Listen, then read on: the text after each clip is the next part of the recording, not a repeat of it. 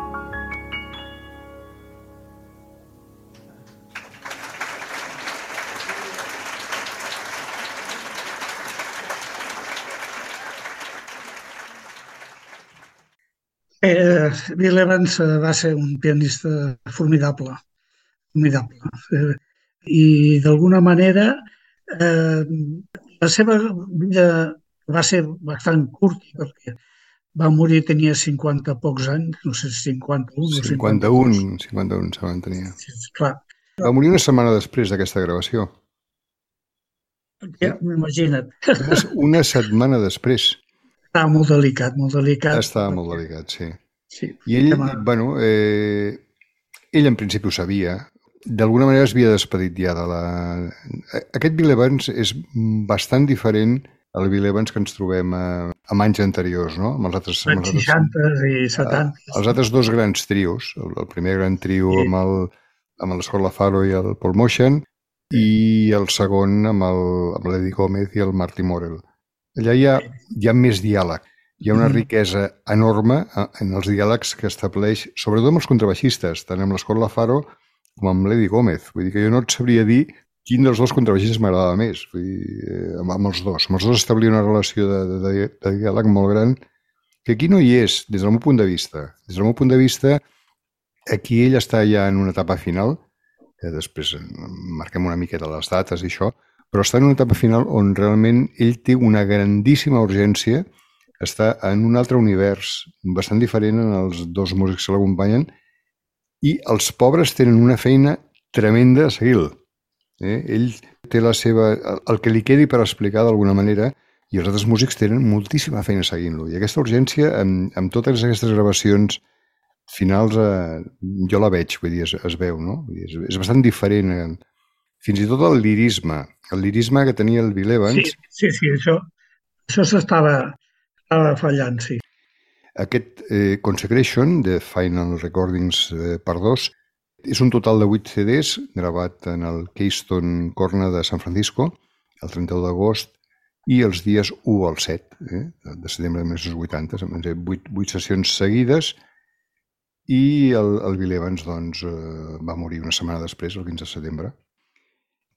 La vida del Bill Evans va estar marcada pel consum de drogues, com tantíssims músics. El 1973 es va casar amb la Nenet Zazara eh, i el 1975 va néixer el seu fill Evan.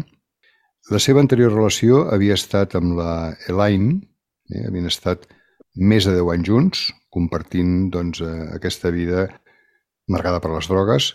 Days of Wine and Roses, la, la fantàstica pel·lícula amb, amb el Jack sí. Lemmon i l'Alice Raymond, sí. pots imaginar una, una cosa similar, una relació similar, no? I, de fet, aquest, eh, el Days of Wine and Roses és un tema que, mm, que el va repetir molt. Vull dir, moltes, moltes vegades el va interpretar i tenia una, un particular drama, no? Vull dir, quan, quan ell interpretava. Després d'aquests 10 anys, eh, van, ell es va casar amb la Nenet i la Elaine es va suïcidar. Un pal. Aquest va ser un dels pals forts que va rebre el Bill Evans això devia ah, ser doncs, sí. el 74, aproximadament així. I a la primavera de 1979 el seu germà Harry també es va suïcidar. No sé. Sí, sí, no, no, terrible, terrible. Terrible. Llavors, a partir d'aquí, doncs, ell ja va deixar de prendre la medicació que prenia pel fetge, ell estava fotut del fetge, suposo que tenia una cirrosi de cavall, imagino, i aquí, doncs, a partir, en principi, aquest podria ser el, el detonant, diríem, de, de dir prou, no? de despedir-se de la vida. I coincideix amb que just llavors havia arrencat doncs, el, aquest trio amb, el, amb aquests dos músics, no? amb el Mark Johnson i el Joe La Barbera. Era una altra persona. Vull dir, és evident que el, el Bill Evans del començament hi havia un, una il·lusió encara i aquí doncs, ja bueno, hi ha bastant més drama. Vull dir, I per mi la música que hi ha aquí la, la reflecteix. I seguim un segon tema? Sí. Sí? sí.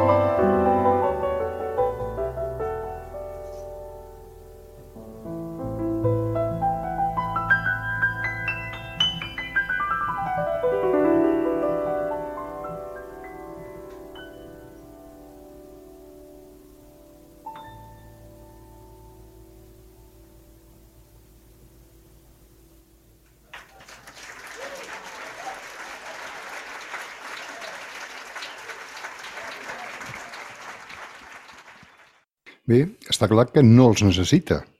Eh, no els necessita. Eh, les seves actuacions són eh, bàsicament un concert de piano sol i en algun moment un fons ocasional de contrabaix i bateria, però pel Bill Evans realment no hi són. Eh? Només hi és ell, ell el seu moment personal, marcat per, aquelles, per aquestes urgències, suposo que se suposa que tenia en aquell moment, el temps se li acaba i al final és ben a prop, i els altres estan allà. Estan allà i és que intento imaginar-me el Mark Johnson i el Joel Gravena pensant com el poden ajudar, com el poden seguir, com el poden... Però no els necessita. Realment no els necessita. I en els temes que són més ràpids i que tenen més intensitat, es veu que van traient la llengua. Eh? El, la bateria i el, i el, i el contrabaix van traient la llengua. Escoltem aquest, eh, un tercer tema, tercer i últim, el Them from Mash, ho veurem. Vull dir, veurem com, com pateixen vull dir, els, els dos músics que l'estan acompanyant.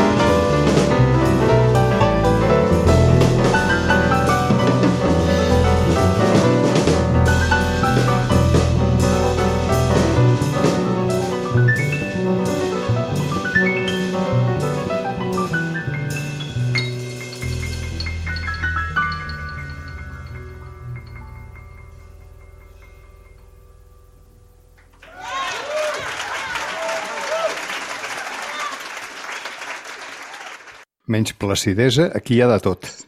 Eh? Sí, sí. Sí, sí. Aquí toca una força tremenda. Eh? Aquí, aquí està desbocat, totalment desbocat, i els altres pobres... Ostres, sí, sí. per on t'anirà ara? Per on anirà? Que... Espectadors, ostres, gairebé. Gairebé espectadors, sí, sí, sí. I fent... Mm, ostres, per mi té un mèrit terrible el que fan aquests dos músics en aquí, vull dir, seguint-lo com poden, no? Vull dir, però...